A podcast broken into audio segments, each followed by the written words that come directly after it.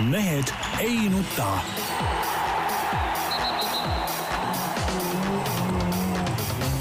mehed ei nuta. selle eest, et mehed ei nutaks, kannab hoolt Unibet, mängijatelt mängijatele. tere teisipäeva, Mehed ei nuta eetris, nagu ikka. Tarmo Paju Delfist, tervist! Peep Pahv Delfist ja Eesti Päevalehest, tervist! Jaan Martinson Eesti Päevalehest, Delfist ja, ja igalt poolt mujalt. otse puhkuselt. ja otse, otse Firenzest, jah. õigemini mitte puhkuselt, tähendab, tähendab selles suhtes Jaanil muidugi noh, puhkusest on asi oli kaugel, kuna ta käis koos oma kalli abikaasaga siis nii-öelda väiksel reisil, siis noh, eks see naine pitsutas ka teda ja ma saan aru, et noh, seal midagi head midagi ei olnud, et Jaan näeb välja väsinum kui enne sinna sõitu igatahes. noh, ütleme niimoodi, et, et seal oli kolmkümmend kraadi kuuma mis on tegelikult Eesti inimesele liiast. see on liiast, kolmkümmend on ilmselgelt liiast. ja, ja kuna päevast tuli niisugune viisteist kuni kakskümmend kilomeetrit äh, kõmpida, mis oli iseenesest küll väga meeldiv, eks, aga ikka see võttis, võttis kõvasti vässi peale. sulle ei tundu see, et kui Jaan räägib, et iga öö see kakskümmend kilomeetrit kõmpis, kas see ei ole midagi samast kategooriast sellest, kuidas ta no vanasti ta lubas, jaa, kui me Veerennis, Veereni tänaval saadet tegime, oli vist Veerenis yeah., siis ta väitis, kuidas ta põhimõtteliselt kõnniks kiiremini kui meie autoga. no põhimõtteliselt yeah. küll jah, aga, aga ja ei no sammulugeja panin peale, noh, ma ei tea, kui, kui, kuivõrd täpselt, aga tegelikult siia kord, kui ta kuskil kohvikus veini, väga... veini võttis, siis ta loksutas seda sammulugejat niimoodi, et saaks sammu Jaanil on väga lühikesed sammud muidugi. seda ka muidugi, jah. nii, aga, aga mis oli, mis oli huvitav muidugi oli see, et, et tõesti niisugune odav riik ja, ja tuled siia Eestisse, vaatad jälle neid pagana kalleid hindu ja kui, kui seal saab ikkagi korraliku, tähendab kohe ülikorraliku öö, lõunasöögi koos veiniga, saad kätte kümne euro eest. ja mis on tõesti no itaaliapärane lasanje ja, ja itaaliapärased kas lihapallid või siis kala või midagi niisugust, pluss siis vein, vesi, leivad, värgid, kõik see noh, ütleme niimoodi, et ei ole sugugi paha. selles suhtes ma soovitan äh, üldse minna Poola, ma eelmine aasta, eelmine aasta mäletan Poola ralli ajal äh, käisin äh, Poola rallil ja seal õhtuti käisime söömas, mul oli poeg ka kaasas ja kahekesi käisime väljas, võtsime tõesti ka suurepärased praed, kõik noh, ma tegin seal mõned õlled, magusroad, kõik no väga-väga super luks, kahe peale ka võib-olla kümme, kaksteist eurot, noh ja, ja see tõesti ei olnud mingi, mitte mingi burgeriputkas istunud, vaid ikkagi ettekandja, noh, no tõesti väga ilusad kohad, see on nagu siuke turismilinnake ka väike, kus see Mikoli Aki, kus see asub seal Aldi keskus. ja, ja kusjuures ma käisin. Poola on nagu kõva. jah, et no põhimõtteliselt, kui meil hommikune programmi esimene osa oli nagu ära tehtud, siis me läksime ilusasti kuhugi piatsale, istus, istusin maha, mina võtsin õlle neiu mul võttis. kakskümmend kilomeetrit siis tulid, kui ta seal istus ja õllet võttis. ei, ei no väike tuleb võtta, eks, et neiu võttis äh, klaasi valget veini, eks hinnatase oli tõesti jah, nagu meie Raekoja platsil, ainukene vahe on see, et selle kõige kõrvale, eks, et mis meil läks seal üksteist eurot need joogid maksma, toodi siis niisugune pool kilo kartulikrõpse, aga mitte mingisugust pakist võetud, vaid noh, nagu ise valmistatud kartul, kartulikrõpse ja teist pool kilo oliive eks ju, rohelised ja, ja mustad oliivid. söömas käiagi. seda on näha, et mees on juurde võtnud jälle. jälle noh jah, ja, ja ütleme niimoodi, et, et seal oli tõesti noh, see, see värk oli vägev. nojah, võimas, aga kuidagi räsitud on küll samas. No, ei, ei, no ikka väike väss on peal, nii, aga mehed, rääkige, mis siin toimub, tähendab, ega ma sealt midagi muud ei kuulnud, et Peep, sinu vennad hakkavad siin juba valitsust moodustama vaikselt. ei, läheb lihtsalt, ma tahtsin just äh, tähelepanu juhtida, Peep, et kui sa siin ise olid väga irooniline, ma mäletan, kui Reformierakond valis uut juhti, et mis jama see on nagu äh, ainult üks kandidaat ja siis me ironiseerisime siin kergelt äh, sinu lemmik riigi eh, Venemaa presidendivalimiste üle, siis sinul on, sinu mehed suutsid eh, valida omale uut juhti niimoodi et, et üheksakümmend seitse koma üks protsenti kohalolnutest andis no. hääle ühele kandidaadile, ega rohkem ei olnudki kedagi. no õige no,, viiski on. kus, kus siis on nagu, et... kus siis nagu on alternatiivid? ei no alternatiivi ei tulnud seekord noh, sest et praegu on hästi juhitud, ütleme, ütleme partei on tõusuteel. Eh, miks peaks, miks peaks peab midagi vahetama? ütleme äh,, näha on ju, reitingupunktid on kõrged, siin neliteist, viisteist, eks ole, väga head ja, ja ma loodan, et valimistel tegelik äh, see, ütleme, häälte saak tuleb veel suurem, ma loodan sinna kahekümne peale isegi tõusu. sest et no inimesed saavad ju aru, et, et see, et äh, tahame ikka Eestit hoida, siis, siis peab, peab selle poliitilise jõu poolt äh, hääletama. ma ei näe siin alternatiive kahjuks. see oleks, see oleks ikka karm valitsus see oleks ikka äh, karm valitsus, kaks helmet ma,, Madissonid või mis asjad nad seal kõik on. Kolm helmet äkki. Ko- ja kolm helmet ja Madisson ja niisugused on neli. aga mis see alternatiivina on, mis parem on siis? Äh, ma ütlen sulle, et äh, kõik alternatiivid on paremad. kõik alternatiivid, isegi sotsid või? Äh, noh, sotsidel ei ole lootust, selles mõttes pole sellest mõttest, sellest alternatiivist mõtet nagu rääkida isegi. Et sotsid hea, kui nad üldse sisse saavad kuhugi. ma küll ei saa aru, mis sul selle EKRE vastu on, sa ei ole nagu Eesti mees tuleb välja, noh. ei, järelikult ei ole sa oled äh, täpselt nagu see äh, Macron, see äh, Prantsuse president, eks ole, noh, kes äh, hakkas rääkima, et kas rahvusriik on ikkagi nagu saatanast ja ja, ja, ja et rahvusriigil ei ole nagu tulevikku ja, ja nii ei tohi teha ja, ja kõik, no, no, no siuksed, noh, mina oleks prantslane, vot selle peale peaks tulema nagu tänavatele.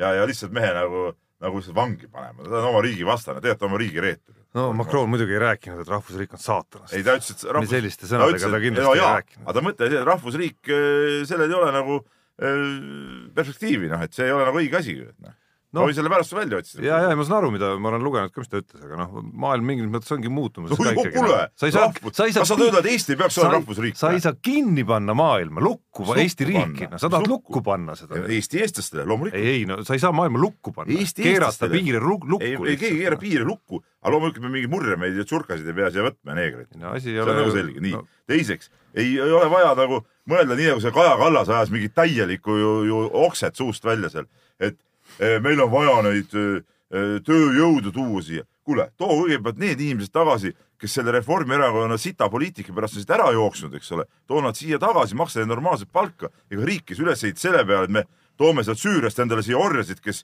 viie euro eest sul siin teevad kõik tööd ära ja, ja ongi kõik, see ei ole mingi, mingi majandusmudel ega mingi asi. ja, aga no ei, ma ei ole näinud ka seda EKRE majandusmudelit kuskil ikkagi, et kus see, kus see majanduskasv ikkagi tuleb, kui me ajame mingisugust erilist isoleeritust siin. ei, keegi ei räägi vist erilist No tegelikult räägitakse ei siiski. räägi, mis erilist isoleeritusest. aga see on selge, et kõigepealt peame hoolitsema Eesti eest, siis tulevad kõik teised. Eesti ja eestlaste eest, seal siis tulevad kõik teised. ja, ja põhimõtteliselt siin ma olen selle Peebu ja EKRE-ga täiesti nõus, et, et me, me tahame ju sisse tuua seda odavat tööjõudu, kes oleks tõesti nõus orjama vastupidi, vastupidi.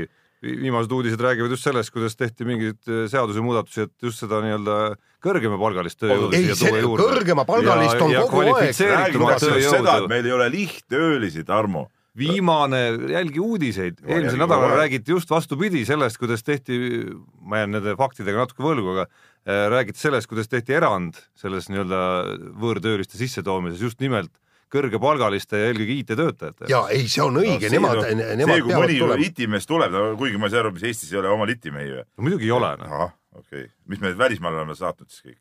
no miks see, miks täna meil lehes oli lugu, mingi Transferwise'i mingi, mingi tüüp kükitab kuskil Pariisis, kuule tule koju, mees, mida sa kuradi seletad seal Prantsusmaal, häbi on peaks, miks ta kuulata. peaks koju aga tulema? miks, aga miks, aga miks me toome neid mingi välismaalasi, toome selle mehe tagasi siis, kui itimehi vaja on, tead noh. nagu inimene teeb omal karjääri ja teeb ütleme, leiab väljundeid täpselt samamoodi nagu ma ei tea, korvpallur, kes mängib NBA-s. jaa, korvpall mängib NBA-s ära, tuleb koju tagasi, ole õige mees. sinu arust kui ei ta ei ole Margus Hundi-sugune, kes jääb sinna näiteks elama sinu, või? sinu arust ei tohiks korvpallur ka NBA-sse tohib, minna? mängib ära, tuleb koju tagasi. no aga miks ta peaks praegu ka tagasi tulema, kui tal on, ta mängib alles seal ju. nagu tema mängib, tema töö on sees, siis ta jääbki sinna ju noh. ma küll ei näe kuskilt, et ta tagasi tuleks. kust sa tead? noh, siuksed, Kuule. mida firmad seal teevad. kuule, me oleme kümme minutit rääkinud juba tont teab millest. on ei, tegelikult. Õiged jutud, aga, aga meil on ikkagi spordisaade. Ja räägime alustuseks võrkpallist. Ja Georgia Gretu jättiski Keit Puparti ja Martti Juhkami koondisest välja ja ütles, et noh, nagu ma sain aru, noor reporter Roosna peale oli ta pahane, et miks te kirjutate meestest, kes jäid välja, rääkige nendest meestest, kes on seal koondises sees ja, ja, ja kõik. Ja tema, tema ütles, et, et kõik, kõik mehed, keda mul vaja on, kõik on olemas seal koondises, nii et probleemi ei no, ole minu no arust olekski-, oota, minu arust see võrkpalli üldse seal, Eestis see Gretu ajab ju täielikku segast. kogu see võrkpalliliidu öö, suhtumine sellesse teemasse on, on täiesti käsitamatult halb. Nende, nende, nad ei suuda seletada siiamaani, kui, kui, kui ei sobi see, mis ajakirjanik küsib, eks ole, siis andke pressiteade välja, kui te teate mingit muud infot, eks ole, et, et asjad on nii või naa, siis andke oma info välja siis tead noh, mida te seletate, siin ei tohi küsida, loll jutt, noh et selliste lolluste eest võiks Gretu üldse tead maha võtta, tead noh. nüüd on, nüüd on asi käes, eks ole, nüüd Raadik ei tule koondisse. ma ei tea, keegi on siin. Ei no Oliver Orav on Orav on kuskil pangas tööl, eks ole, naljanumber ju, lolli mängite. Ja- ja mis no- me loodame siin mingite, mingite muude mingite tontide peale, kui meil on tipptasemel võrkpallurid olemas, eks ole. ja, ja kui öeldakse, et, et oh, ta nagunii poleks tulnud, aga siis tuleb natuke mõelda, miks ta poleks tulnud, eks ole. et, et kas siin mingid, mingeid oma kalasid nagu sees ei ole, et, et mõni mees ei taha koondisse tulla. et, selles suhtes see võrkpalliliit võiks ka endale natuke vee peale tõmmata. ja, ja, ja põhimõtteliselt noh, nagu ma saan aru, siis tähendab pra- praeguse seisu järgi ongi, tähendab äh, Martti Uhkami ja Puparti karjäär, koondise karjäär ongi lõppenud. ei no vähemalt Gretu ei no loodame, et see Gretu No- kaob siit varsti, kus, kus kurat ja siis tehakse jälle normaalne koondis. ei no jaa, aga seal olid ka mõ- mõned teise, teised mängijad ja teised tüübid. kas see Vassiljev on öelnud, et, et see, see oli viga, et, et võetud või? no Vassiljev no- lihtsalt ju, ju Gretu ju ütleme, kuidas ma ütlen, noh, alam, noh, ta on, ta on ju abitreener, aga temal ei oleks midagi öelda. ei no miks aga meeskonna- võib-olla, pärast siis, kui, kui ta on oma arvamuses vaba, siis ta võib öelda midagi ei aga muud. ta Ei, aga inimene meeskonna- on arvamustes vaba. ei, inimene ei ole abitreener, ei ole oma arvamus mitte kunagi vaba. ei no aga meeskonna Räägi. kapten Gert Toobal äh, Toobal üt- ütles mõned laused, mis pigem nagu toetasid Gretut, no mis on ka tegelikult ka loogiline aga muidugi. tema ongi ju Gretu maale tooja ja nendel on mingi oma mingi side just, aga mind, noh, sa natuke sinna suunas seda viisid, seda teemat juba alguses, et äh, mind tegelikult kõige rohkem, isegi rohkem kui Puparti ja Juhkami väljajätmine äh, eos, häiribki, häiribki see, mismoodi Gretu seda seletab või õigemini ta ei seletagi seda, et et minu arust on see nagu ülbus ikkagi natukene kõikide nende tuhandete inimeste vastu, kes võrkpallikoondisele kaasa elavad. Neid äh, Tondiraba hallis me oleme siin viimastel aegadel näinud kohati ikkagi päris vägevasti ja ma arvan, et kõik need fännid on ikkagi vähe paremat seletust väärt kui see, mida Gretu pakkus, ehk siis noh, sisuliselt ta ütles, et pole teie asi ju. Kõik need fännid, kõik need tuhanded inimesed, see ei ole teie asi, miks ma ei võtnud neid kahte meest koondisse. jah, et selles isegi ei kutsunud ega üritanud midagi valik loomulikult valida, aga ta peab põhjendama oma valikuid, see on nagu selge. absoluutselt noh, vähemalt kui eriti sa koondise tasemel, klubi tasemel ei pea. vähemalt kui sa juhendad. pallimängukoondist, millel on tuhandeid, kui mitte kümneid tuhandeid kaaselajaid, et kui sa juhendad mingisugust noh, ma ei tea, nurgatagust mingisugust väikest asja kuskil harrastajate mis iganes asjas, ajad mingit oma rida, noh siis tee, mis tahad seal. aga antud juhul on ta siiski mingisuguse parema selgituse võlgu. Nii on. Äh, jätkuks tahaks kiita Robert Tähte muidugi ja aplodeerida talle, kes on siis meie, tundub, et hetkel ikkagi parima võrkpallurina saanud ka väärilise lepingu lõpuks, mida ta kaua on oodanud ja Türgi tippklubisse Izmir on ta minemas. koht muidugi on paras noh, urgas natuke. Türgi, Türgi liiga tegelikult iseenesest on vist isegi Poola liigast natuke jääb alla, aga klubi ise on lihtsalt nagu, nagu jälle selle võrra veidike kõvem, et noh, ütleme, ma ei tea, kas see samm nüüd nagu siukses, ütleme hooaja mõttes nüüd väga äh,, väga pikk oli, aga, aga kindlasti oli, et selles suhtes ja kui mees ise väga tahtiski minna sinna, siis ainult tuult tiibades. no, no minu meelest okay. kogu asja point on see, et, et nad saavad mängida meistrite liigat ja, ja, ja kui Robert Täht mängib seal meistrite liigas tõesti silmapaistvalt, nagu ta võiks mängida, siis see tähendab äh, seda, et, et järgmine leping, järgmine klubi oleks veel kõvem ja, ja veel suurem samm, sest noh, ütleme niimoodi, et, et ikka Poola tšempionaati kindlasti need agendid ja kõik jälgivad, aga, aga nad tahavad näha ka, et mida see mees suudab nagu absoluutsel tipptasemel teha. no küsimus selles, et millist rolli ta seal mängima ikkagi hakkab tegelikkuses. no ma arvan, et, et ta võitleb endale selle rolli välja, noh. nii, kas hokist tahtsite ka paar sõna rääkida no kindlasti tahaks rääkida, et Eesti hokikoondis on MM-i väga hästi alustanud, okei okay,, Jaapani käest saadi küll üks-kaks sugeda, aga seal lisaaja kaotuse punkt võeti ära ja nüüd no see oli veel väga ebaõiglane Jaa, no kaotus, sest see kaotus, jah, kaks jah. minutit, mis Eestile anti normaalaja lõpus, oli ikka üks absurdsemaid kaheminutilisi karistusi, et, et nagu noh, me oleme siin vaielnud siin ühe penalti näol selle üle, kas millal tohib mingisugust asja vilistada, aga siin oli, siin ei olnud küsimus isegi selles, et sellisel hetkel ei tohi seda võtta, vaid, vaid selles, et ma ei ole üldse näinud, et nagu olukorras, kus äh, ütleme siis kaitsjad puhastavad natukene värava esist pärast seda, kui seal mäng on juba peatumisel või juba peatatud ja siis lüüakse see ründaja, kes seal ahistamas on äh, oma väravavahti, lüüakse sealt nagu võib-olla jah, võib-olla jah, ütleme mänguolukorras natukene kõrge kepiga nagu minema ja küünarnukkidega, noh siis üldiselt sellest kahte minutit ei anta ikkagi. ja seda kindlasti, aga, aga mis see tähelepanuväärne on siis eh, eilne kaks-null võit Ukraina üle. Ukraina hoki on ikkagi olnud Eestist kõvasti kõrgemal tasemel, omal Kiievi Sokol oli ju liidu tsempionaadi tippklubi, Donetski sats mängis ju KHL-is enne, enne neid pöördelisi sündmusi seal Ukraina ja Venemaa vahel. et eh, ja, ja koondise asemel ka Ukraina on olnud ju siin ka A-grupis ja, ja, kuigi ja noh, sellest on omajagu aega möödas nüüd ikkagi. no jaa, aga ikkagi ütleme, ta on ikkagi no Ukraina on Ukraina. Ukraina on Ukraina, jah. aga, aga jah, see oli, see oli üks, üks ära ütlemata kõva võit muidugi. ja, ja kusjuures nagu ma sain aru, eks, et alguses löödi kaks kiiret väravat ära ja siis, siis suudeti selle kaitsega äh, ikkagi oma, oma värava alune ja, ja värav ka lukku panna, et ne- noor poiss oli väravas oli, jah, oli väga hea partii teinud ja ja valiti ka mängu parimaks ja, ja see, kuidas pärast mängu ma vaatasin, noh, lihtsalt nägin neid ka- kaadreid, et, et kuidas tuldi talle patsutama, et, et kõva võit. Väike tähelepanek, Okis peale mängu jääks alati väravat. jaa, aga ei. aga jaa, ei, ei muidugi oli kõva. ma, tähendab, seal, seal on üks asi on lihtsalt minnakse patsutama, aga teine ikkagi minnakse tänama sind. nii, aga lähme siis järgmise osa juurde ja lähme siis äh, kiirvahemängu juurde ja äh, kas tõesti Usain Bolt, maailma kiirem mees, Tartu Tammekesse jalgpalli mängima? ma ei tea, kust see Tartu Tammeka nüüd tuli, aga ei no Tammeka tuli sellest, et kui räägiti, et Dortmundi Borussiasse ikka vist ei küündi tase, kuigi Usain Bolti enda arvates muidugi küündib pärast seda, kui ta on siin natukene aega kepselnud ringi seal treeningutel, siis Tartu Tammeka esindajad ütlesid, et nemad võtaksid Bolti kindlasti. jah, ja, ja, ja kusjuures oota, mis seal oli, toidud võetakse to- toidule, eks toidutalongid, mingi elamine leitakse kuskilt. Tartus on ju- ei no Tartu Tamme seal Tamme staadioni hostelis saab elada ju. ei no ma usun, et Tammeka leiab isegi väärikamaid. ja mis seal viga on?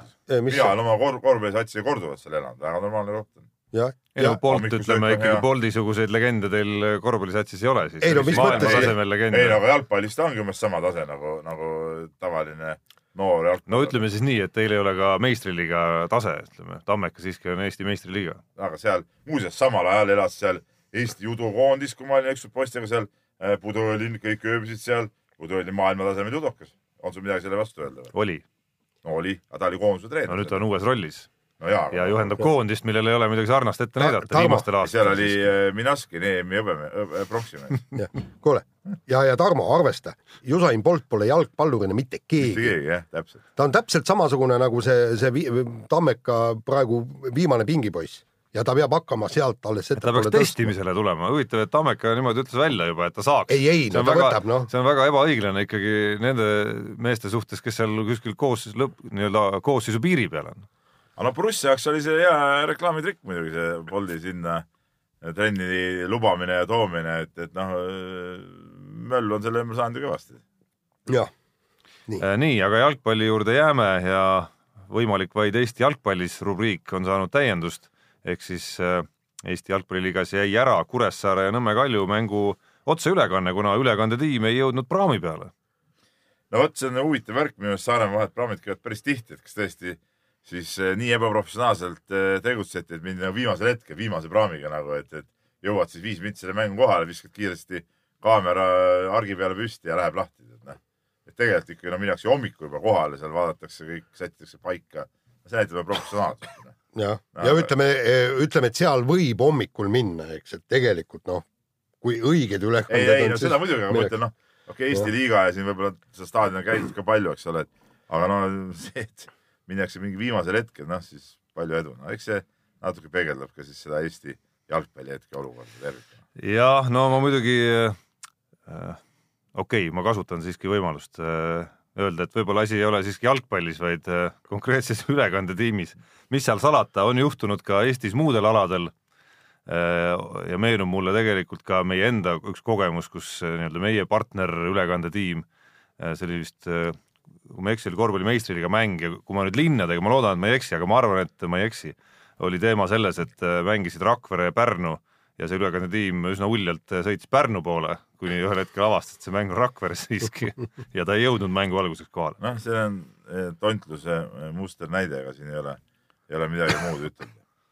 nii, aga, aga tore lugu on juhtunud Venemaal, kus toimub siis suvel jalgpalli maailmameistrivõistlused, suur turniir, ütleme, kõik pilgud on sinna pööratud ja Volgogradis siis ehitati eh, uus staadion, tehti sinna ka kaasaegsed eh, WC-d, aga, aga keegi, kurivaim oli vist eh, ütleme siis vetsupottide vahelised seinad endale kuskile kas suvilasse viinud või, või, või maha parseldanud. no aga äkki see ongi moodne värk? igatahes eh, potid ilusti kõrvuti. Peep Äh?, Peep, ütle, kas see Nõukogude sõjaväes ei ole, mis, mis, mis probleem selles on? ei ei selles aru. suhtes küll ja, seal oli veel hullem, vaata seal oli see auk, eks ole et kui sa parajasti kükitasid, keegi tuli ja hakkas seal nagu midagi, midagi muud tegema, siis pritsis kõik laiali, eks ole, et see nagu ei olnud nagu võib-olla kõige ägedam. seal olid vähemalt, ma olen seda fotot näinud, seal olid täitsa kaasaegsed potid seinast Absoluutselt. välja.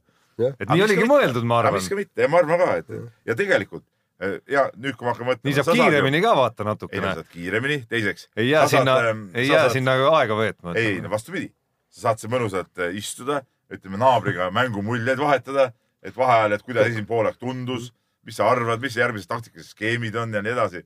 saad seal eh, pikemalt ja, ja ka need, kes järjekorras ootavad, on ja et ajastul ütleme sellel nuti tekib, siuke nagu, nagu sünergia nagu. nutiajastul, kui Jah. inimesed vaata suhtlevad aina Jah. vähem omavahel niimoodi silmast silma on see ikkagi koht, kus, kus noh, vältimatult ikkagi pead tegema seda. ja siis on veel see ka, et kui eh, ühe poti juures paber otsa, siis ei pea seal, ma ei tea, kus, mis nüüd saab, vaid rahulikult sealt naaber annab sulle ja mingit küsimust pole, tead mul tuleb rahvaste sõprus teiega mul, mul tuleb meelde äh, raamatus Läänerindel muutust, et ta oli ka ju need s- sõja ajal olid siis sõduritel oligi just see nii-öelda kükitamine, eks, et äh, oligi kõige meeldivam periood, kus nad said noh, nagu sellest sõjast nagu ko- korralikult eemal olla. Ja tegelikult äh, uus mõte oleks potid panna ringi kuiv, seda, seda ka jah, siis saaks nagu rohkem seltskonda nagu olla. jah. Nagu, ja siis ikka võtta tõesti, muidu on nii, tõesti et kui ütleme, sõber satub olema seal mingi viis potti eemal, no siis pead seal üle mitme mehe karjuma, kui nad siin kõik on peaaegu vastastikku, siis on nagu see suhtlus on palju mõnusam. jah, noh, huvitavaid duelle ma huvi pärast vaatasin, mis mänge seal Volgogradis siis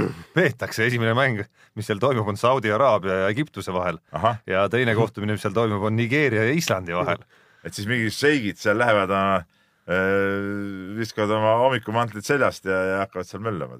no just, ja isegi inglased, inglased jõuavad lõpuks sinna No näed. seal, ja jaapanlased näiteks. ütleme peale inglaste käiku potis seal seina pealt maha kukkunud, ma kardan. vaesed jaapanlased, ma olen Jaapanis käinud ja neid, neid potte näinud, seal on ju kõik, et kuumad veed, soojad veed, kõik. sööd, et seal ei ole. seda pildi ei, ei, näha ei, ei, ei, seal on ju kõik. ma tean, ma olen käinud, siuke pult tuleb siia kõrvale. no aga äkki need puldid on ka kui ma olemas. käisin ka Jaapanis, ega ma ikka proovisin ikka ära selle, aga see oli siuke imelik värk oli, noh, see ei olnud nagu õige asi. okei, okei, siia, siia vast lõpeb see teema Jah. nüüd. just nii, aga Walesi ralli, MM-ralli korraldajad eh, tahtsid punktikatse korraldada asfaltil ja kolmekümne tuhande pealtvaataja ees ja FIA pani sellele kriipsu peale sellepärast, et punktikatse ei tohi toimuda teisel pinnasel, kui toimub ralli ehk siis äh, ehkki ei tohi toimuda asfaltil, kusjuures ma tava juhin, tähelepanu, et Walesi rallil on ka niisama kiiruskatse, mis toimub asfaldil. just, aga vot see ongi totter. tavakatse tohib toimuda, aga punktikatse ei tohi. kõlab nagu absurdselt siiski. no jah, no eks ta ole nii ja naa, tegelikult kes peaksid ütlema, peaksid ütlema tiimid, kas me oleme sellega nõus, et me laseme äh, ikkagi äh, läbi trööbatud kruusarehvidega mehed sõitma punktikatsele, kus muide võib äh, olla need punktid üliväärtuslikud. Nemad peaksid olema ära ikkagi need, läbi. see ongi sinu oskus. jaa. et noh, tingimused on kõigile võrdsed, selles suhtes ma ei kui- näe, ma kui ei näe siin nagu probleemi. kui ohutu see on, vot see on jälle järgmine küsimus, mida ma ei tea. ralli on nagu noh, noh, ohutus on nagunii selline nii ja naa. kolmkümmend tuhat pealtvaatajat ja, ja sa sõidad ikkagi tõesti kulunud kruusarehvidega asfaltil. No aga sa sõidadki siis, ju sa sõidadki siis ju vastavalt sellele, nagu rehvid võimaldavad. no jah, noh, sa ei saa sõita kiiremini, kui, kui rehvid lubavad, vaata, kui sa, mulle väga meeldib, ma vaatan hästi palju nüüd seda MotoGP-d juba mitu hooaega ja, ja ja seal on ju see ka see ikkagi see eriti see rehvide värk, seal ei ole mingit nagu vormiliselt käivad vahetavad ja möllavad. kui ikka rehv ära kulub, no siis sa pead paratamatult tempot järgi laskma, kui sa tahad nagu mingid punktid ära võtta ja, ja, ja seal on ju see taktikamäng on, on palju suurem, kuidas sa oma rehve seal säästad ja, ja millal sa siis juurde paned ja, ja, ja see samamoodi siis rallis ka ju noh, sa pead ju vaatama, kuidas sa oma rehvidega hakkama saad. aga noh, kolmkümmend tuhat äh, inimest publikut, see oleks muidugi võimas. ei, see oleks väga võimas, loomulikult noh.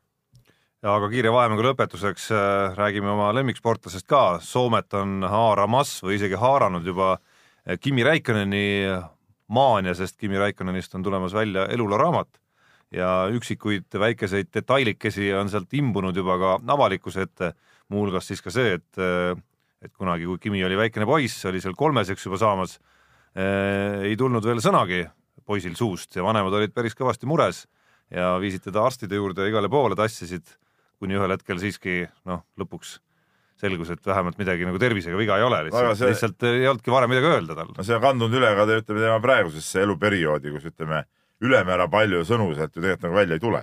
ja, ja ega ei tulnud toonagi, tähendab need paar sõna, mis ta ütles siis, kui, kui, kui ema seal äh, sa nagu rääkis, ütles niimoodi, et, et, et ta oli, oligi niimoodi, ütles ühe sõna ja siis sai jalad, jalad alla, jooksis mööda tuba, möllas ringi, ütles, et äh, teod, Kimi Räikkönen teod võitsid sõna, sõnad kümme-null et, et poiss oli ikkagi kõva poiss, aga, aga muide eesti keeles ilmub ka see raamat ja, ja ma ei tea nüüd, mis kirjastaja, kirjastus selle välja annab, et, et äkki, äkki anta, antaks meile ka infot, et, et mis kirjastusega tegu on ja millal see Kimi raamat eesti keeles välja, välja jõuab, sellepärast et Soomes ta tuleb oktoobris, noh, ma loodan, et, et, et Eestis tuleks ta ka umbes niimoodi oktoober-november, sellest saaks ikka jõuluhitt küll, ma arvan.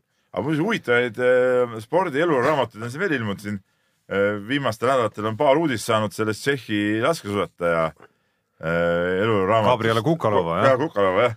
üks lõik oli, kuidas ta saatis äh, No ta on ka Karja Kanepi raamatut lugenud ja aru saanud. oma, oma äh, aluspükse ja, ja, ja, ja siis kuidas ta seal äh, mingi kaheteistaastase poisiga äh, seksuaalvahekorda astus ja nii edasi, et seal oli nagu. Ja pärast seda väga hästi esines. enne võistlust, siis saigi seda tavaks ja seal pikantseid detaile oli nagu noh, päris palju, et, et ütleme, siuksed sportlased on muutunud ka oma raamatutes ikka väga-väga avameelseks nendes, nendes küsimustes. no ma kahtlustan, et Kimi raamatust sellist avameelsust sa ei leia siiski. no tont seda teab. mina loodan küll, et ma saan Kimi raamatust lugeda ikkagi lugusid sellest ka, noh, kuidas ta nagu niimoodi lõõgastub pärast võidusõitu, neid pingeid maha saab, ütleme noh, teada on, et tegemist on kõva, kõva napsumehega, eks ole, et, et noh, neid lugusid tahaks alati väga rõõmuga lugeda. kusjuures, kuidas ta Eestis käib siin ja, kuidas ta käia on käinud, jah. ja et, et me, me just meenutasime, et, et käis mo- motokrossi sõitmas ja mõlemad ajasime, et, et saaks Kimiga intervjuud teha. erinevates väljaannetes Jaaniga olime, siis,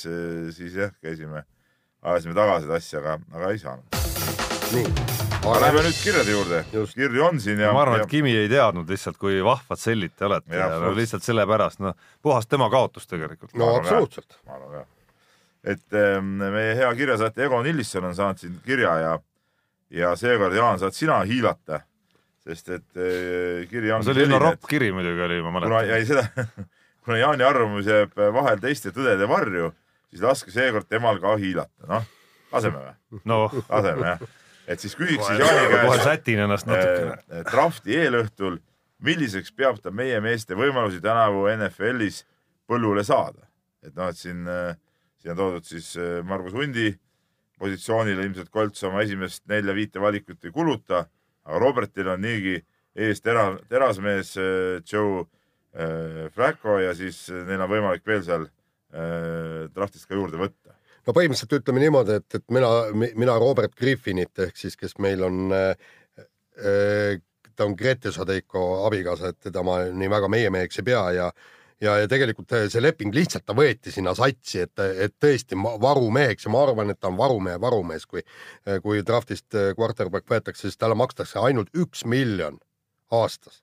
no see, no see ei ole mitte midagi, see on, on nagu koristepalk nii, aga, aga Margus Hundi kohta ma ütlen, et, et ma arvan, et ta oma kakskümmend, kolmkümmend protsenti snappidest ikka mängib, aga ma olen täiesti kindel, et võetakse esimese nelja ringi jooksul ka äärekaitsja keegi, sellepärast et nad lähevad neli-kolm äh, süsteemile üle neil on vaja, vaja ka sealt ka mõni noor, noor vend kahmata, aga noh, hunt saab oma mänguaja kätte ja teenib oma kaks miljonit kenasti välja. no ma ei teagi, kas peaksime ka sõna sekka ütlema või? või laseme Jaani tõel seekord no laseme särada? Jaani tõe seekord nagu särada, kuigi jah. no seda... oleks nii mõndagi tegelikult nagu arvata ikkagi. no selles suhtes ma olen Jaaniga nõus, et see Robertit ma ka nagu meie, meie meheks ei pea tead noh. et, et ma alguses ei no ma eelkõige mõtlesin ikkagi Koltsi nagu kaitseliini peensust ja, Aa, ja ütleme okei. drafti draft selle aasta drafti Kui- talentide ma loodan, ma loodan seda, et hunt teeb pool säkki järgmine hooaeg ja, vähemalt. vot, vot see ongi see probleem, eks nad mängivad tegelikult kaitses täiesti okei okay,, mitte hästi, aga okei okay., aga, aga neil oligi see, see nii-öelda vastase quarterback'i säkkimine, et see, see on kehva, sellepärast neil on vaja uut kiiret venda ja ma ei ole üldse kindel, et nad võivad isegi esimeses ringis võtta äärekaitse, seal on paar, paar päris head poissi. aga siis hundil ei ole mingit varianti. ei, ei no tema, ma veel kord ütlen, tema on varumees ja tema, tema on teatud äh, olukordades ehk siis äh, kolmanda tauni ajal, kui on ilmselt äh, toimub sööt, siis ta võtab oma pikkade kätega, ta võtab sealt seda söö, söödusektorit vähemaks ja, ja, ja, ja tema saab oma kakskümmend, kolmkümmend protsenti saab mänguaega kindlasti.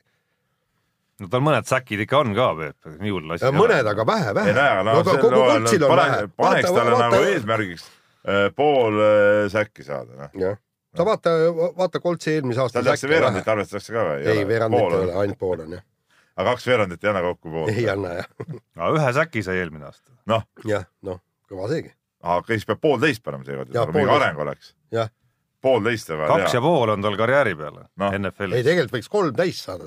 Ei no, ei no siis saab karjääri peale juba neli täis ju. nüüd poolteist juurde panna. noh, see on võimas, võimas sooritus. aga, aga mitu korda palli puudutab hooajal, Jaan? no ma arvan, et äh, blokeerib. blokeerimise käigus ütleme, nagu paar blokeeringut teeb, siis paar korda saab palli puudutada hooajal., võib-olla lööb äh, palli kellelgi käest maha ka. aga kas trennis ütleme, kui no ma ei tea, no ma, ma olen jalgpallur, eks ole, noh lähed trenni. ega ta ei ole nii, et alguses seal tema ju ei sööda ega ei tee mingit soojendust seal palliga ei, neil on teised so- soojendusharjutused jah. see on nagu lahe, et ma olen nagu jalgpallur, aga, aga mitte kordagi ei trennis ega mängus mitte kordagi palli äh, kätte ei võta. ei no ütleme veel, et, et äh, Margus Sundi positsioonil on vähemalt, sa mängid palli selles mõttes, et noh, tähendab, sa üritad palli kas maha lüüa, blokeerida teda veel need, aga need mehed, kes äh, quarterback'i kaitsevad, neil ei ole palliga mitte mingit seost, nemad ainult kogu ülesanne peitub selles, eks, et teha, teha nagu läbimurdet lauke ja, ja neil, neil puudub palliga kõik absoluutne seos. seepärast ma ei saagi aru, mitte ma ei taha nagu halvustada seda mängu, mäng iseenesest, kui te vaadata, on, on ju põnev ja, ja kõik on nagu äge. mis mind häirib muidugi see, et see mäng kogu aeg seisab seal, aga, aga see selleks. ma ei, ma pole siiamaani aru, miks seda mängu jalgpalliks äh, nimetatakse, noh.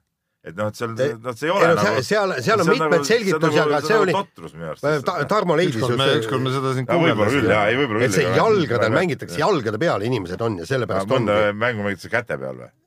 ei no istevõrkpall ei ole jalgade peal. Vee- veepall. see oli küll praegu hea näide. no veepall näiteks noh, et omal ajal kutsuti jalgade peal mä- mängitavaid mänge jalgpalliks no.. aga korvpall oli sellel ka olemas ju. ei olnud, vist ei olnud või? ei, minu meelest ei olnud siis. okei, võib, ei noh, selge. nii, aga lähme, uuesti võib-olla oli. otsima seda. lähme kirjadega edasi ja, ja, ja tegelikult on Ants, meie hea sõber, keda ma nägin nädalavahetusel kaupluses ja ma tunnistan ära ausalt üles, Ants, kui sa mind kuuled praegu, ma ei tundnud sind ära alguses. et see, ma olin kassast juba läbi läinud, ta hakkas kassasse tulema, hõikas mind, tervitas, ma tervitasin vastu. noh, mul polnud, ma ei tea, kas mul olid prillid ees ka võib-olla ja, ja, ja ma ei, alguses ei ühinenud nagu üldse ära. pärast mõtlesin, pagan, see oli Ants, eks ole. siis me läksime poodi sisse tagasi ja ta oli teisest uksest juba välja läinud. et ma polnud nii ammu näinud teda. no ja, ja, ja et Ants kirjutas. ta oli muutunud nii palju? sa ei näinud lihtsalt? Vuntsib Tal oli- sinu, sinu silmanägemine. ka, ka prillid olid, ma polnud niisuguste prillidega näinud, sellepärast eh, ka ilmselt. et, et äh, Ants kirjutas meile Žalgirisest, aga meil tuleb Žalgirise teema eraldi eh, tegelikult pärast, pärast äh, jutuks ja, ja tead, ma seal ühte äh, detaili kasutan, aga, aga Voldemar on meile kirjutanud ja teda siis ajendas kirjutama eilne uudis sellest, et Alar Varrak on siis Leedu klubi peatreeneri kohalt taandanud või taandatud, räägitakse seal nii-öelda tervisehädadest, aga, aga, aga küsibki siis, et, et kas usute seda tervisehäda juttu või on ikkagi küsimus selles, et Leedus äh, siukest kaotuste seeriaid ei, ei andestata, nii nagu, nii nagu Varrakul seal klubi eesotsas ette tuli, et ta siis, kui tema karjäär jäigi siis Leedus niimoodi, et vist oli kolm võitu ja üksteist kaotust või meistriliigas. ja no karikavõistlustel no karika- oli kordaminek, kus nad jõudsid esinelikusse. aga ma mõtlen seal ütleme tšempionaadil. no tähendab, ütleme niimoodi, et, et seda, kui ma lugesin seda noh, uudist ja siis seal, et praegu, praegu kommentaare ei anna kuidagi maikuus, no kuulge, et no see, see on ju selge häma, et mingit terviseprobleem võib olla, aga see ei ole kindlasti peamine põhjus. ma arvan ka, et see on ikka mingi nagu, nagu võib-olla segu asja, sest ma no et, ei ole, et ilmselt saada nagu leedukate arvamusest äh, aimu, ma äh, käisin siis Leedu korvpallisaidil ka ja uudise taga olevaid kommentaare püüdsin siis läbi Google Translate'i nii-öelda tõlkida ja seal ka üks, üks mees ütles, et noh, et pärast sellist äh, kaotuste maratoni oli vaid äh, aja küsimus, millal äh, Varrakust äh, vabanetakse, eks ole, noh, oli, oli sihuke Leedu, Leedu inimese äh, arvamus, eks ole, selle, selle asja peale ja, pigem ma arvangi, et noh, seal olid mitmed asjad, no sa, Tarmo, tõid ka, eks ole, noh, sa võid ise rääkida, mis sa, mis sa hommikul arvasid, kui me arutasime. no ega ma täpselt ei mäleta, mida ma hommikul arvasin, aga mida sa, või õigemini, mida sa silmas pead. seda, et, et noh, et, et ikkagi need, need no, pinged ja kõik kokku. ja, ja selge jah, et, et, et sihuke seeria ja noh, Leedumaal ka veel, kus noh, ma arvan, pinged on mõnes mõttes ikkagi veel isegi sellises teistsugusemad. me- meeskonnas, eks no ole. sellises meeskonnas mõnes mõttes Jah. nagu eriti veel ja veel sellises keskkonnas nagu su ümber on nagu leedulased, mis on ju noh, nagu korvpalli hull rahvas ja kui abitreener Valdemaros. ja kui sul on abitreener ja selline treener, kelle puhul noh, kohe tekkis tegelikult natuke küsimus, et huvitav, miks, miks nad üldse otsustasid mitte siis ülendada Homitsust selleks, sellesse peatreeneri rolli, noh, mõeldes, mida, mida see mees on kõike nagu teinud ja, ja teisest küljest pannes juurde, et eh, kuhu on nüüd eh, meeskond langenud selle kaotuste seeriaga, vahepeal oli seis juba üsna lootusrikas, aga siis kaotati nüüd üks väga tähtis mäng, Kedani jäi, eks ole, ja kaotati veel ja ka vendade poolide käest saadi ka eh, nuhelda, kuigi poolid seal muidugi rolli ei mänginud, aga just, ja nüüd on tulemas äh, noh, tegelikult hooaja kõige otsustavamad mängud, et seal see liigasse jääminegi ei ole veel ikkagi nagu viimasest kohast pääsemine ei ole veel päris kindel. Et ses mõttes see ajastus ei ole väga üllatav iseenesest, jah, seda küll jah. kui, kui, kui seal oli muid põhjuseid ka peale tervise. aga nii on, ega see treeneri töö lihtne ei ole noh ja, ja ega, ega see tervis võib ka jukerdama hakata sellise asja peale, et selles suhtes noh, ma seda ka nagu ei no me oleme näinud välista. seda siin ju nii-öelda koduselt tandrilgi. Kuulge, ta on nii noor mees, et, et äh, ja, ja kui juba praegu tervis jukerdab, siis, siis äh, tema treenerkarjäär ei saa väga pikaks kujuneda, kui sul juba nii noorelt tekivad pingetega probleemid. kui sa ta, tahad kuhugi kunagi kõrgema, kõrgemale jõuda, näiteks tõesti äh, meistrite liiga tasemele. ja ei no sul on, Jaanil on selles mõttes õigus, ega pinge ja stressitaluvus, ma arvan, on üks äärmiselt oluline omadus, mis peatreeneritel olema peab, see on ikka väga stressirohke amet. jaa, absoluutselt jah noh, sa tunned, ma arvan, juba omal tasemel no,. seda isegi seal jah, ma tunnistan ausalt, et noh, oli, mul oli siin pühapäeval oli ka U kaheksateist veerandfinaal ja, ja tegelikult ütles pärast ka üks teine mul hea sõber, treener ka, kes, kellega rääkisime, meie enda klubi mees, ütles, et kuule, sa olid ka kuidagi nagu pinges tead või, või, või krampis natuke ja tead,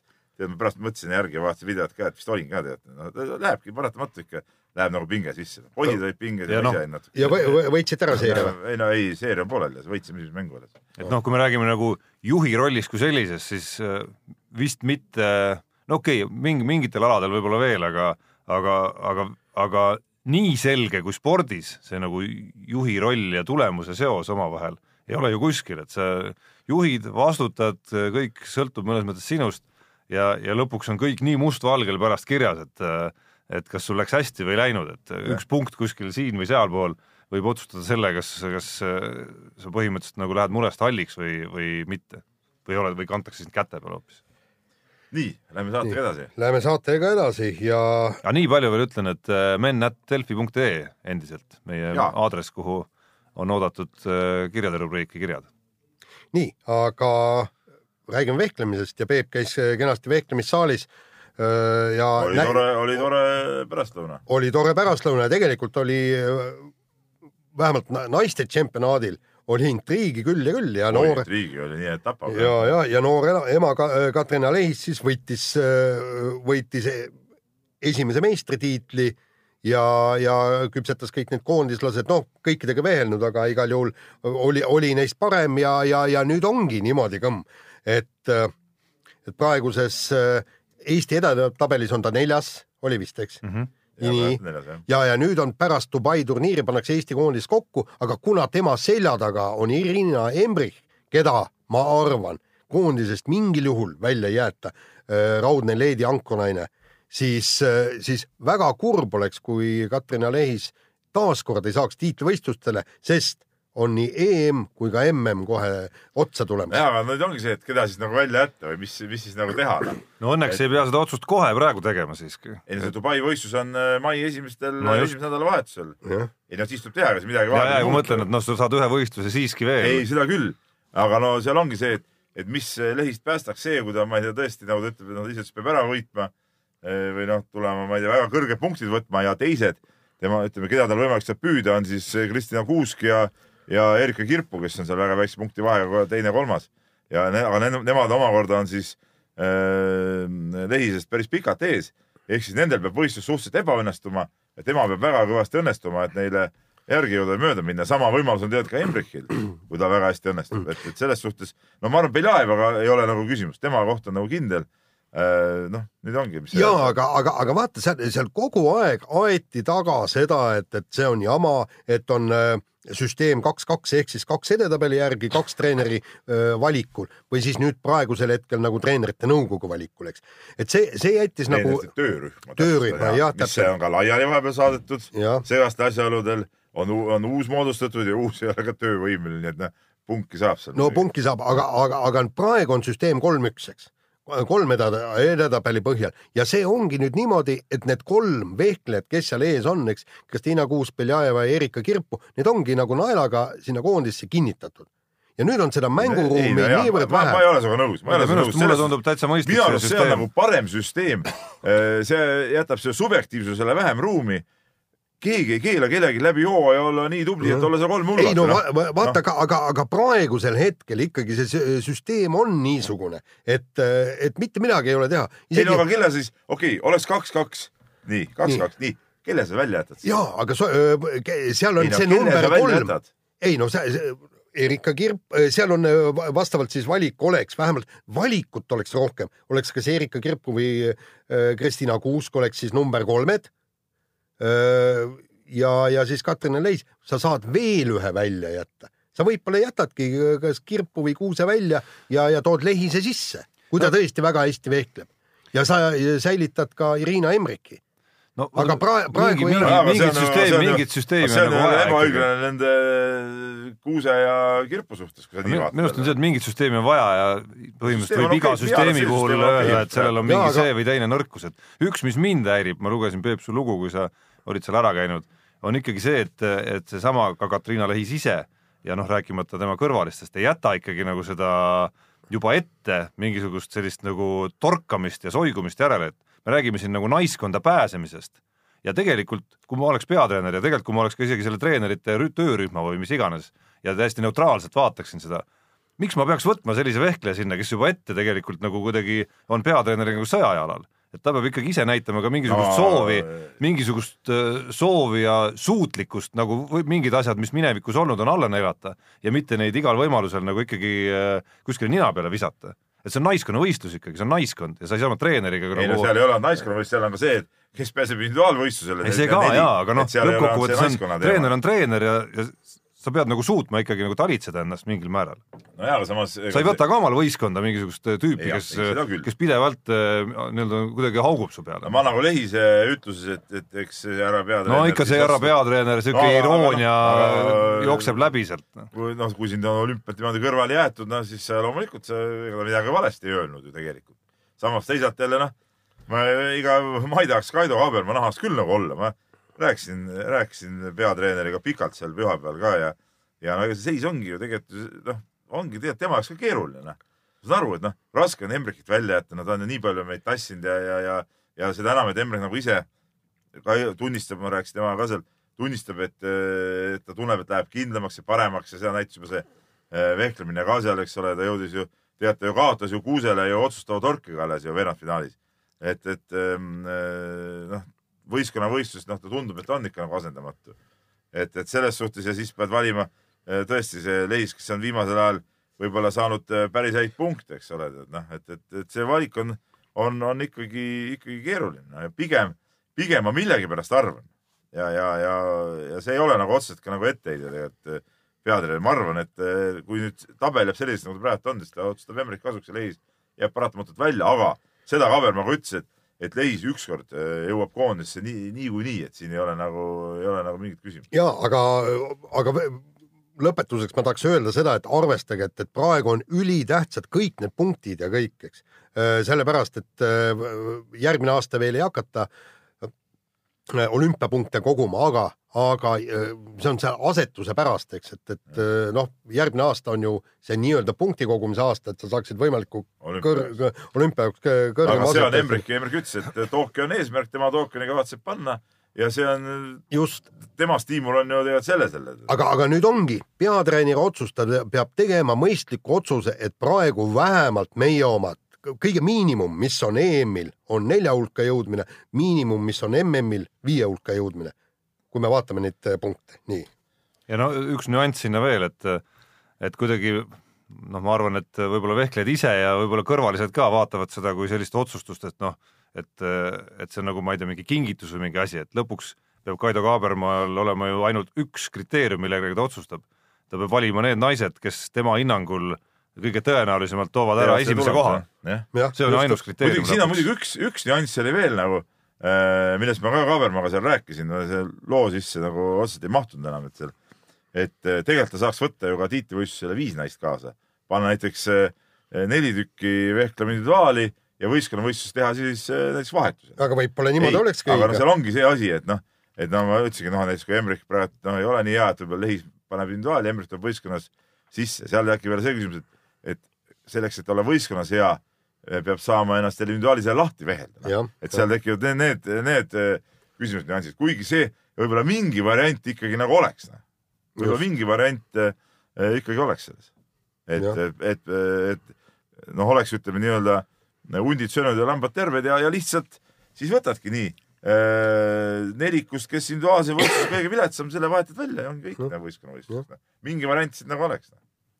Äh, vahetame teemat äh, ja meie rallipeded saavad nüüd äh, vaielda natukene omavahel, ma loodan, et läheb tuliseks. jälle ühel meelel no. siin on selles suhtes, Ühesõnaga, oota, ma juhatan- juhatan, las ma juhatan teema sisse ka nüüd ametlikult. ehk siis FIA ja autotootjad nuputavad uute rallireeglite üle, jutt käib siis reeglitest, mis hakkaks kehtima, mis ta oli aastal kaks tuhat kakskümmend kaks äkki või? kuskil seal jah. ja need variandid, mis on siin avalikkuse eest läbi lipsanud, puudutavad vaidlusi eelkõige kahel teemal, üks on siis see, et kas kiiruskatset teha lühemaks või vastupidi, hoopis pikemaks. kuigi see suund vist pigem on, et tahetakse suruda lühemaks ja, ja teine küsimus on, et äh, kuidas teha masinaid vähe ökonoomsemaks, et kas hübriidautod äkki no hübriid ja elektrivärk, see on jama, selle ma ütlen kohe ära. kiiruskatsed ja rallid lühemaks on jama, selle ma ütlen ka kohe ära. kas teema on läbi nüüd? no nagu. aga miks ta jama on Nagu- küsin, nagu- nagu FIA astun FIA siis küsijaks. oota, oota, ma just räägin, räägi, et et kui, kui Autoliidu äh, president äh, Jean Todt ja, ja muud tüübid räägivad, et, et ikkagi see nii-öelda keskkonnasõbralikkus ja hübriidindus on tulemas maailma nii võimsalt peale, siis peab äh, WRC sari ka sellega kaasas käima, see see on nagu üks, üks asi ja teine, mis minu meelest on tegelikult äh, väga huvitav punkt, on see, et kuna neid hübriidautosid praegu ikkagi üritatakse toota ja kõik ta-ta-ta, kõik muu selline, siis võib see nii-öelda hübriidindus äh, tuua rohkem autotootjaid sinna sellepärast, et nagu nad ütlevad, see ei ole mingi show, see on tootearendus. WRC on, on tegelikult tootearendus ja nad proovivad ikkagi niisugused regula-, regulatsioonid paika panna, et see võib-olla Suzuki tahaks jälle ta- tagasi tulla või, või ma ei tea, Volkswagen või, või mis Peugeot, eks. et, et, et kuna nad saavad siis nii-öelda testida, testida oma, oma ideid. ja see kõik on, on tore jutt, aga sa saad ise ka aru, et mingi elektrimasinad ja mingid hübriidmasinad, noh, see ei ole nagu päris ei, see. üle, ülesõidul nad kasutavad äh, hübriidtehnoloogiat, noh, see, see on see jutt, noh. Aga noh, see lühemaks-pikemaks on nagu siukene põhimõttelisem asi minu arust, et noh, see, kas ülesõitudel on, mulle meeldivad just see, See, kiiruskatsed on pikemad. ja ei, ma mõtlen see, et see, kas ülesõitudel on hübriid äh, või mis, nagu noh, see on nagu natuke selle kõrval kõrvaline et ja eh, nagu tõi ka Jaani artiklis oli hästi ju välja toodud see elektri eh, osakaalu tõusmine, mis muudab nagu jälle nii-öelda ohutuse küsimuse jälle, et kuidas avarii korral autosid seal ütleme siis. jaa, aga no ütleme, see on nagu, nagu, nagu tehnilisem küsimus Jah. natukene võrreldes sellega, et kas kiirus, kiiruskatsed lühemad või pikemad, see on nagu väga konkreetselt selline küsimus, mis mõjutab, ütleme siis rallielamust, mida ma ei tea, miljonitele pakutakse. küsimus on, millises suunas. minule meeldivad, ma ütlen puht isiklikust seisukohast, ma käin päris palju rallidel ja, ja, ja, ja mitte nüüd, et, et vaadata, selles pole inimesel ju vahet, kas ta vaatab eh, kilomeetrist katset tegelikult, kui ta kuskil metsas, noh, okei, kilomeeter on lühike, võib-olla kolmekilomeetrist katset või kolmekümne kilomeetrit, tema, näeb ikka võib-olla sada, kakssada meetrit seda autot, eks ole, sõitmas enda juures. Ei ole nagu vahet, aga küll aga minu arust tuleb paremus ikkagi välja just pikemate kiiruskatsetel, raskematel kiiruskatsetel ja, ja vot see on nagu see õige asi, et mingid No. no., mingid lühikesed katsed, ma ei tea, mingi kahepäevane ralli, no see on mingi umbluu ju, tead noh, see on jälle mingisugune pehmod, et Ja- no ilu. lühikeste, no lühikeste eelis selgelt on ikkagi see, et äh, no sa rääkisid kohapeal vaatajatest, mis ma tean, sinu jaoks ongi kõige tähtsamad alati, aga noh, telesõbralikkuse mõttes ja ei no tele, no ma räägin. kuule, no mis, rallit tele- telest vaadata, rallit telesõbralikkuse jaoks ja ralli, ma arvan enda nagu jaoks, näpu võrdlemine. kui, kui WRC tahab ikkagi nii-öelda tõusta sinna nii-öelda vormel ühele nagu rohkem rinnale, siis noh, ralli tegelikult vajaks natukene suuremat telesõbralikkust iseenesest. et see kindlasti räägib jälle selle kasuks. ei no siis paneme ainult need Lihtsam on üle kanda- lihtsam on- rada kaks kilomeetrit ja põmm-põmm tõmbame viiskümmend korda seda katset ja ilgelt lahe. E, muide, aga miks, miks eh, nad selle nii-öelda kahepäevase ralli poolt ollakse? on, käisin nüüd eh, Randot ei ole selle poolt. no Tott isiklikult tahab pikki Jah. kiiruskatseid kusjuures. Tema- tema tahab, jah. õige mees. nii, aga, aga käisin Korsika rallil ja ma ei mäleta isegi, kellega me seal arutasime, rääkisime ja uurisime ja seal mulle väideti, et, et miks tahetakse kahepäevaseid äh, rallisid teha, on see, et tavaliselt on see kolmas päev sisuliselt tühi päev et, et võitlust ei toimu, minutiliste vahedega vennad kõik sõidavad ja, ja, ja põhimõtteliselt säästavad rehve selle punkti katseks, et sisuliselt on see tühi aga minu päev arust oleks kolmas päev teha pikemaks, mitte seal mingi olla mingi kolme kiiruskatse peal.. siis on veel tühjem. kus ta veel tühjem on siis? siis on ju võimalused suuremad, et seal midagi juhtub. ei no küsimus on selles, et äh, mis muudab asja igavaks, see, kui on noh, enam-vähem, ma ei tea, kolmekümne sekised vahed vähemalt, noh siis äh, piloodid tavaliselt ei hakka riskimagi üldse sellega, et äh, üritada neid tasa sõita. see Ja- on see, mis selle igavuse tekitab. kusjuures tegelikult äh, ralli võiks minna, kui ma hakkan praegu mõtlema Korsika rallil, mis oli, oli ju viimasel päeval kõige pikem kiiruskatse, viiekümne viie kildine. jah, ja vot ongi niimoodi, et, et tõesti pa- pane sinna üks, üks niisugune viiekümne viie kildine katse, üks väiksem tirts ja, ja, ja siis see nii-öelda punktikatse otsa ja siis nagu viiekümne viies ei saa midagi väga hoida. No just. Sest et see on ikka nii pikk, kui sa, seal tehakse hirmsaid vahesid võimalik teha tagasi. ja väga õige. jah, ja nagu Ott Tänaku kaardilugeja Martin Järveoja ju ralli alguses ütles, et, et pühapäeva, laupäeva õhtuks ei ole midagi selget, sellest viiekümne viie kildise katsega võib Jah. minut minna siia, minut sinna ja läkski muideks. selles suhtes nõus jah. jah, ja muidugi see on see, et, et see on seda niisama passimist on nagu see pühapäevasel päeval nagu sõitjate jaoks ka liiga palju nagu. et, et rallisid tuleks ära lõpetada kõik need lollused, mingid, mingid a- autogrammide jagamist kuskilt linnadest läbisõitmised nagu seal oli mis asja, millega tegeleme, eks, sõidame rallit metsas ikka tead, noh. seal, kus ikka nagu asi õige värk käib, noh. ja õige rallifänn läheb metsa, kui sa oled mingi, mingi linnavurle, tahad kõpskingades rallit, ralliautosid näha, siis tead, pole midagi teha, tead. võta, vaata kompuutrist või tead, mine automuuseumisse.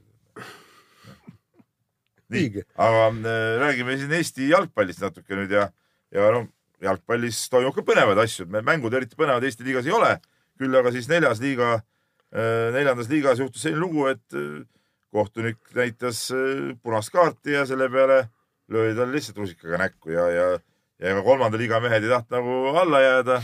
seal oli jälle sihuke olukord, kus üks mängija läks, jooksis teise mehe juurde, pani peaga näkku sellele, noh. kuigi tegelikult mees sai õige asja eest, sest videot vaadates tema ise alustas intsidenti.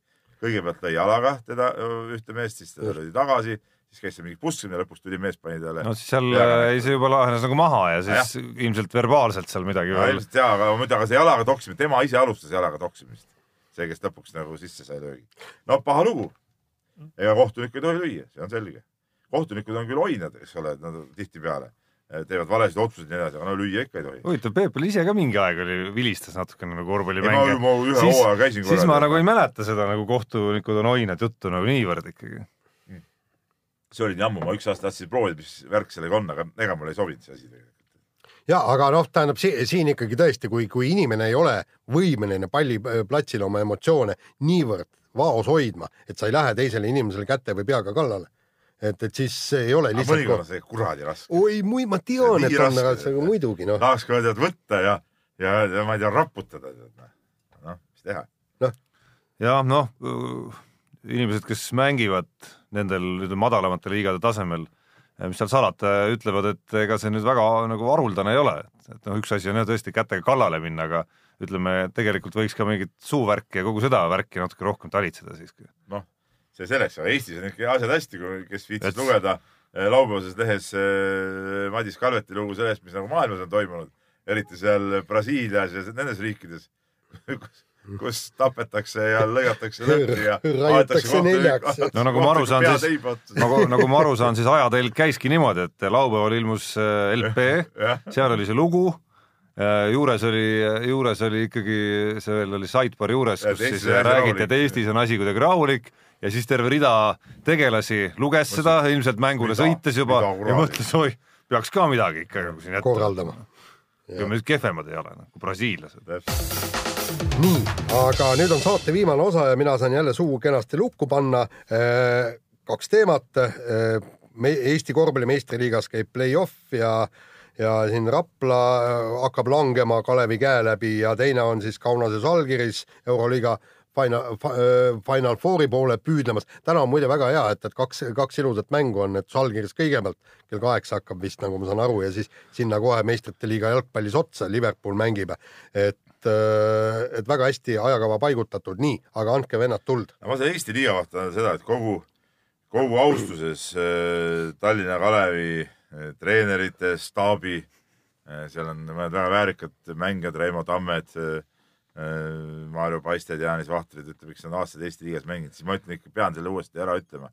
ma olen siin mingites kohtades seda juba öelnud, et, et iga Tallinna Kalevi võit on kurb päev Eesti korvpallis, sest et see võistkond, no, no nii amatöörlik äh, võistkond Äh, kui ta jõuab nii kõrgele, nad tõesti jõuavad ka poolfinaali ja ma ei tea, või saavad medali. no see on nagu nonsenss ikkagi, see näitab, see näitab meie korvpalli äh, ääretult nadit taset ja, ja, ja, ja kehva seisu ja see ei ole, see ei ole mitte mingist otsast kriitika nende Kalevi meeste pihta, vaid see on, see on nagu kriitika Eesti korvpalli pihta. tegelikult need asjad ei tohiks nii olla. ma, ma ei saa aru, kust see imestus tuleb, Ei, esiteks esiteks seesama, seesama, ütleme, Kalev, kui me läheme juurtest tagasi kuskil Pirita palliklubi aegadesse, siis, on siiski jõudnud äh, nii kaugele ka varem. medalit pole nad saanud. on, ei medalit nad ei ole saanud, aga nelja hulka nad on jõudnud Jaa, varem veerandfinaalis nad on põnevaid mänge teinud ka varem. mis see vahepeal on Eesti korvpall kuidagi no hüpates ma arenenud tahaks, sina oled ju kuhugi see? mees, kes räägib kogu aeg mingist arengust ja mingist kasvust. tahaks ju, et Eesti korvpall oleks ka nagu natuke arenenud, aga me oleme veel rohkem alla käinud kui siis. Ei no mis- miks me rohkem alla käinud, sama seis, noh. Tarmokene, siis mängisid Piritas ikka äh, hoopis äh, ütleme legendid seal, Metstakid, Pehkad, Rummad, siuksed Kivinuk. mehed, eks ole, Kivinukid, ütleme äh, Reimo Tamm ja, ja Jaanis Vahter, need on kõik toredad mehed, aga nad ei ole ju, nad ei ole Pehkad ja, ja Metstakid, eks ole teine asi. Kui sa vaatad põhiturniiri tabelit kasvõi, ega siis vahe Rapla ja Kalevi vahel ju nii ilmatu ka ei olnud, üks sai vist viisteist ja teine kümme võitu. ehk et enam-vähem ühes samas pundis.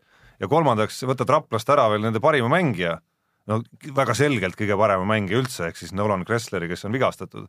et mida sa siis ootad üldse, et Kalevis on ju mehi küll, kes, ei vaata, Tarmo, ma ootan seda, et Rapla on professionaalne meeskond, kus isegi kui sa võtad selle liidri ära ja neil on ka mehi vähe ja ma saan aru kõik, aga neil peaks olema ikka seitse-kaheksa professionaalset korvpallurit, kes teevad iga päev kaks korda päevas trenni, pühenduvad selle täielikult.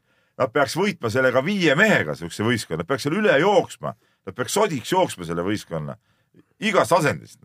aga seda ei ole juhtunud ja see on, see näitabki, et kui, kui juba Rapla-sugune võistkond, kes eelmine aasta siin sai mingi hõbemedali Estikatel ja no kõik arvasid, et nüüd hakkab midagi hirmsat juhtuma, noh.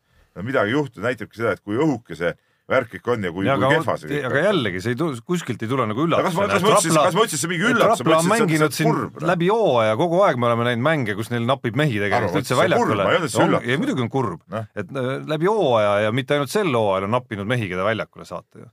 isegi on praegu hästi, et see hooaja keskel tuli see Dominic Hawkins ka meeskonda, sest kui teda ka ei oleks, siis noh, no siis oleks äh, okei okay,, seeria läbi ei saa olla, sest kalender kolmas mäng ei ole kätte veel jõudnud, aga aga noh, siis oleks asi ikka täiesti nutune ja et selles suhtes et seda ja noh, see on, see on see pilt, kui sa vaatad nüüd veerandfinaale on ju ikkagi üsna tüüpiline ikkagi, mida me näeme praegu seal.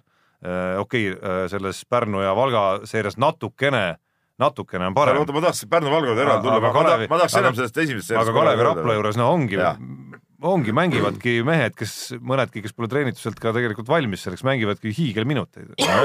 aga mis, mis veel on, ma olen seda varem mõnes kohas ka välja öelnud, et et kahjuks seda Raplat hakkab kummitama see Tarva sündroom nii-öelda, et, et eh, korraks tuldi üles, no jõuti hõbedani, mis oli Eestis nagu maksimum sellel hetkel, siis hakkas nagu vaikne langus ja, ja, ja mulle nagu tundub, et, et et seal Raplas võib samasugune langus tulla, seal on, seal on mitmed eh, sarnased nüansid ka, eks ole. omi mängijaid eriti ei ole. ütleme, klubi võimekus kuskilt juurde kasvada, noh ka ütleme finantsiliselt tundub nagu suhteliselt ebareaalne. nii, lõpuks hakkab ka rahva huvi vähenema, ütleme, ma arvan, ka peatreener Kuusma on ennast võib-olla eh, selles väikelinna meeskonnas ennast ammendamas, ammendunud juba võib-olla. Et, et, et seal on nagu sama, sarnased, sarnased nüansid ja, ja ma ennustan, et, et Raplal tulevad lähiajal, lähiaastatel tulevad päris, päris keerulised aastad, sest et neil ka omi mängijaid ei ole aasta-kahe, võib-olla isegi kolme pärast peale tulemas, kes võiksid oma süsteemist tulla seda meeskonda ja toetada. selles on, selles on see kõige suurem häda ja siis, siis ehitatakse kuidagi, klopsitakse võistkond kokku. aga noh, see ei ole nagu niimoodi jätkusuutlik nii, aga mis ma tahtsin öelda, see selles suhtes mul nagu see Pärnu ja Valga äh, seeria no, pakub palju suuremat huvi ja, ja, ja ja seal on kuidagi nagu seda särtsu on, äh, on minu silmis nagu rohkem ja sellepärast võistkonnadki on, on natuke huvitavamad. sellega ma mingis mõttes ei ole nõus, sest ütleme, Rapla null kaks seisu peal olemine noh, on nii intrigeeriv kui üldse olla aga saab. see ei ole nagu särts minu jaoks, ma räägin nagu platsil mängus. ma, ma endiselt, ma endiselt ei julgeks küll pead anda, et see Rapla sealt ei võiks välja tulla. ei, ma ka absoluutselt mitte, loomulikult võib tulla, aga ma räägin nüüd, tulen veel kord tagasi, ma räägin mängusärtsust, esiteks mulle meeldib äh, Pärnu äh,, mulle meeldib, et seal on äh, noored ägedad vennad, mulle meeldib peatreener, ma olen peatreener Rannula austaja, ma võin öelda selles suhtes, et mulle meeldib, kuidas ta on pannud äh, vennad mängima äh,. ja, ja selle seltskonna, kes no pealtnäha nagu ei ole ka ju mitte midagi erilist no ja väga raske on, et ei meeldiks selline ja. asi nagu Siim-Markus Post seeria esimeses et, mängus näiteks et, tegi, ehk et noor mängija, kes ja. põhimõtteliselt tegi üksinda mängu ära. et on, on võetud suhteliselt, suhteliselt maksimum sellest satsist ja tegelikult mulle meeldib meenutame ka..., et päris lähedal oli, et Pärnu üldse ei osalekski enam. Aasta tagasi. ja, ja mulle siin, siinkohal tervitused heale sõbrale John Kärbile, kes, kes võttis selle asja vedada, et ja, ja ära tegi Äh, see oli väike vahepõige, me oleme Johniga palju koos olnud ja, ja üksteise vastu mänginud poistega. aga, aga ja mulle meeldib tegelikult ka Valga, kuigi seal on kari lätlasi, eks ole, siis mulle lihtsalt meeldib põhimõtteliselt see, see siukese kiire ja agressiivne, mida nad üritavad seal võimaluste piires harrastada, mulle meeldib lihtsalt see mäng.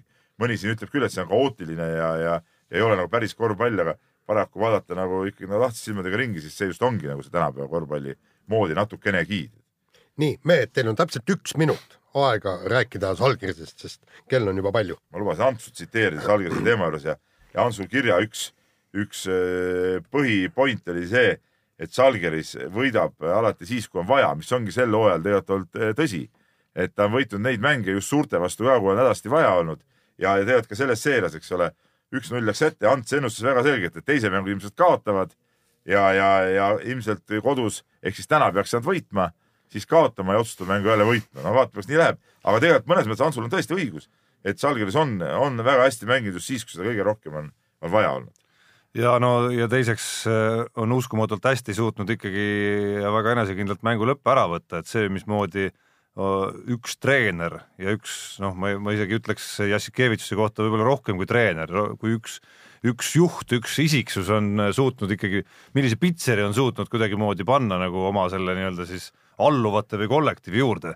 see on ikka nagu, see on nagu vägev vaadata ja mitte ainult nagu spordi kontekstis, vaid noh, üleüldse kasvõi ma ei tea, mingi mis iganes koosluste kohta, kus on juhid ja kus juhid nii-öelda peavad, peavad panema, tooma mingisuguse tulemuse ja, ja viima selle kollektiivi mingis soovitud suunas ja panema nad mõtlema mingis soovitud suunas. et noh, Jassikevitš on ikkagi noh, nagu endise tipuna kuidagi nagu väga veenev selles äärmiselt veenev selles, mida ta räägib, mismoodi ta ise nagu suuri võite saanuna suudab nagu igal hetkel kuidagimoodi leida nagu nii need nagu negatiivsed asjad üles kui positiivsed asjad üles ja, ja mismoodi jälle nagu meeskond paremaks saab ja, ja hakkaks nagu mõtlema ka paremas suunas. vägev värk noh. just, just see Jassikevitšuse persoon sealjuures. aga noh, ütleme need on siiski need raskemad võidud, need otsustavamad võidud, et ma ei, ma ei hõiskaks veel nii palju ette, et, et see nagunii läheb, et need alles, need on vaja saada aga, alles. aga ma ütlen nii, et ikkagi müts maha, isegi kui, kui lõpeb üks-kolm. ei no müts maha juba sellest, et nad play-off'i jõudsid, et, et isegi kui äh, isegi kui nad ei saa, igal juhul on asi nagu väga, väga hästi läinud, aga noh, neil on vastas siiski meeskond, kes äh, ütleme, on harjunud äh, raskustest üle tulemisega. tõsi, sel hooajal natukene nagu natukene hapram võib-olla kui mõnel varasemal aastal. ja meeskond, kes ja nad on ka harjumatus rollis natukene, olümpiaakust pean silmas, et tavaliselt on nemad need, kes mängivad seal Realide ja CSKA-de ja selliste vastu ja jäävad seal kahekümnega taha ja siis on kogu aeg nagu taganttulijana. täpselt nemad on ka võistkond, kes sealt tagant tulles on võimeline mängu lõpp ära võtma. ja nüüd nad on nagu enda jaoks harjumatus olukorras ikkagi. nii, vaadake täna korvpalli, vaadake jalgpalli, olge mõnusad ja kuulake mind nädala pärast. mehed ei nuta.